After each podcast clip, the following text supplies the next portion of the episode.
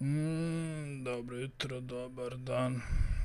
Ovde je Lavi Krilac. Pozdrav svim mojim vernim fenovima čitavih 075 vas. I naravno pozdrav Mirku iz Bije.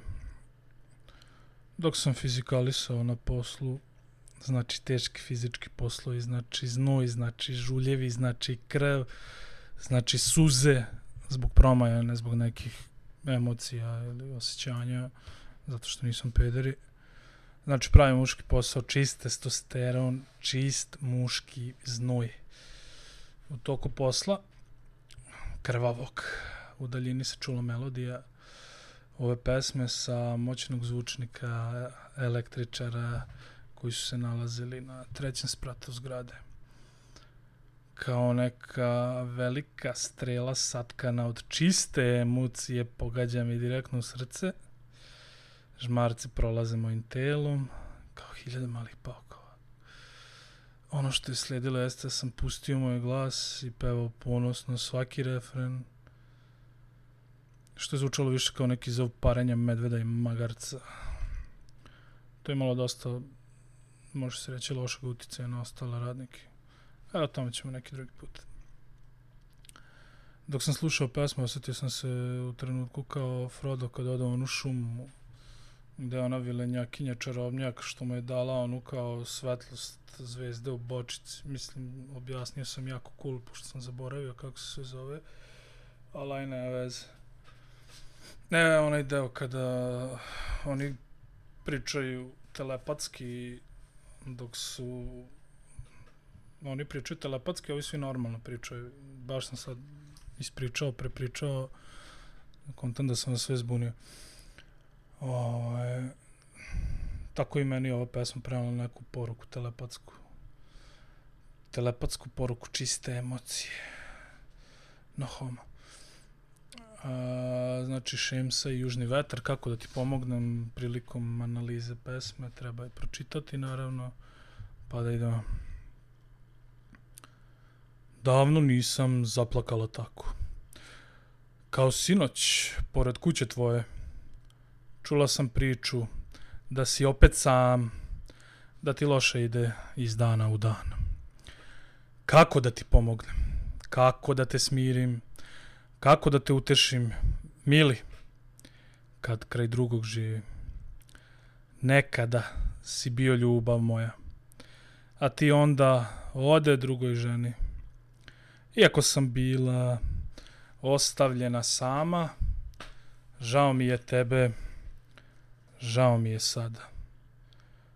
Kako da ti pomognem, kako da te smirim, kako da te utešim, mili, kad kraj drugog živim. Plakala sam kad si otišao, al vremenom dođe ljubav druga. Ipak kad se setim davno prošlih dana, ja pomalo žalim što nisam sama. Kako da ti pomognem? Kako da te smirim?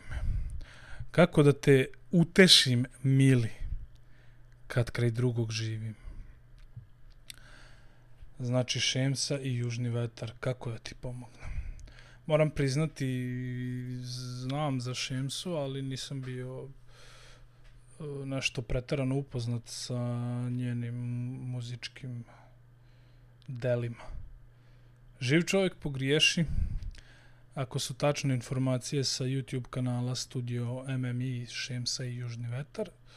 Tekst i muziku je napisao Miodrag Emilić, a aranžman, šta god to značilo, su radili Miodrag M. Ilić, Sava Bojić, Perica Zdravković. Tekst sam našao na sajtu tekstovi.net.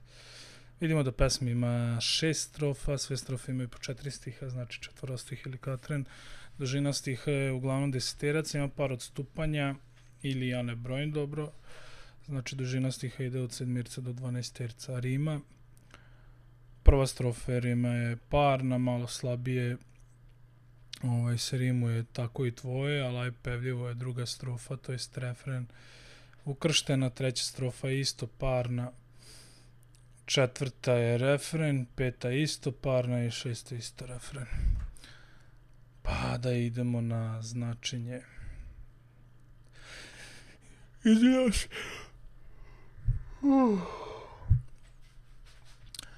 Stil pisanja pesma može se reći modern. Vidimo dva lika. Glavni je ženski koji nam pripoveda celu tu priču, celu tu telenovelu. I sporedni lik je muškarac u koga je ona bila ili možda čak i dalje je zaljubljena. Što bi značilo da je pesma ljubavna, naravno. Tema pesme jeste upravo ta ljubav žena prema bivšem muškarcu, bivšem ljubavniku, koja i dalje tinja u njoj, možda ne dovoljno da se vrati na to, možda je to samo sećanje na lepa vremena i lepe ove neke događaje provedene zajedno sa tim bivšim čovjekom, a možda i ono drka na njega, ne znam. Već u prvoj strofi vidimo da glavni lik i dalje gaje emocije prema muškom liku kada čuje da dotičnom u životu i ne cetaju baš ruže. U refreni, to je drugoj strofi, vidimo da ona ima želju da ga uteši, da mu pomogne kako može, čak mu tepa mili, ne ovaj mili sada što peva straćatila, ali prepreku u tome predstavlja drugi čovek, to jest njen sadašnji ljubavni partner. Možemo nagađati da ne želi da ugrozi sadašnju vezu zato što je slaba na njega pa ne želi da vara novu, to jest sadašnju ljubav ili možda ne želi da ljudi ispiraju usta s njom, šta ti ima njemu da pomažeš, imaš svog čovjeka ili ne želi da se njen čovjek osjeti zapostavljenim ili je nova ljubav posebni manijak, ali nemamo toliko infor, infor, informacija da bi mogli da zaključimo bilo šta, mada u nekim od sledećih stihova vidimo da ona i dalje osjeća nešto prema bivšem. Sad, da li je to dovoljno da ona nešto uradi ili ne, to mi opet ne znam. U trećoj strofi vidimo malo istorije između ovog para, vidimo da je ona njega jako volela, da je to bila neka velika ljubav, a on je ostavio i otišao nekoj drugoj.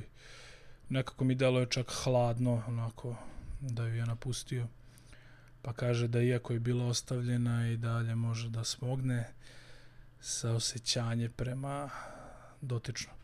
Mislim, kapiram kad bi vas neko šutno i otišao ono, nekom drugom e, odmah u naručje, znači ne, ne da napravi pauzu, da bi srce, srce prema njemu barem malo ono, otvrdlo, okamenilo. Lično kapiram da bi neko pišao po njima. Ja bi sigurno prebio lopatom. Oboje. Lažem, da bi da mi peguje. Ako ne znaš šta to znači, googlajte slobodno. U petoj strofi vidimo da je ona dosta patila za njim, ali nekog vremena srce je zacelilo i dala je šansu opet ljubavi koja je naravno došla. Uh, I sada dolazi taj moment u kome mi ne razumemo, mislim mi, kažem ja, ne razumijem te neke žene, a mada sam vidio i dosta muškaraca koje ovaj, koje zovemo danas kakovi, ako ne znate isto googlite, gde oni pate za tim nekim bivšim, to jest nisu ni bivše ljubavi, oni njih i dalje vole, valjda, ili drke na njih, idealizuju ih. I ma šta oni uradili i koliko im rogove ovaj, nabijali, oni bi njima dali šansu, jer to, oni, to je ta ljubav. A, ovdje možda nije toliko jak slučaj, jer kaže, kad se setim davno, naglašavam opet davno, prošlih dana, ja pomalo žalim, pomalo, što nisam sama. Ovde vidimo da bi mu ona lako dala šansu kad bi bila sama i da je u konfliktu sa sobom. Znači kao, ok, ima novu ljubav, ali kao prošlost je bila lepa, a u stvari nije bila lepa, nego se ona seća njene ljubavi ka njemu i samo lepih trenutaka, a ne stvarno, prošlosti stvarnog događaja. Znači, ne seća se realnog stanja stvari. E sad da ga jebeš, ne znam zašto mi se pesma toliko svidela. Možda zbog te patnje, zbog te emocije. Iako nisam homo, naglašavam, nisam, samo nekad. A, možda zbog tog zavijanja u refrenu, ne znam, ali emocija me pogodila i svaka čast, ono, šemstvo svaka čast. Dajem pesmi osam čaša lomima, ruke mi krvave, od deset čaša lomima, ruke mi krvave. Nažalost, spota nema, znači to je tragedija. Ako budu raspoloženi, ja ću im režirati spot, samo nek se jave. Pošto mene zovu uh, kusturica kafanskih spotova, kome zove nije bitno kako sad. Tako da ljubim, pozdrav, čus.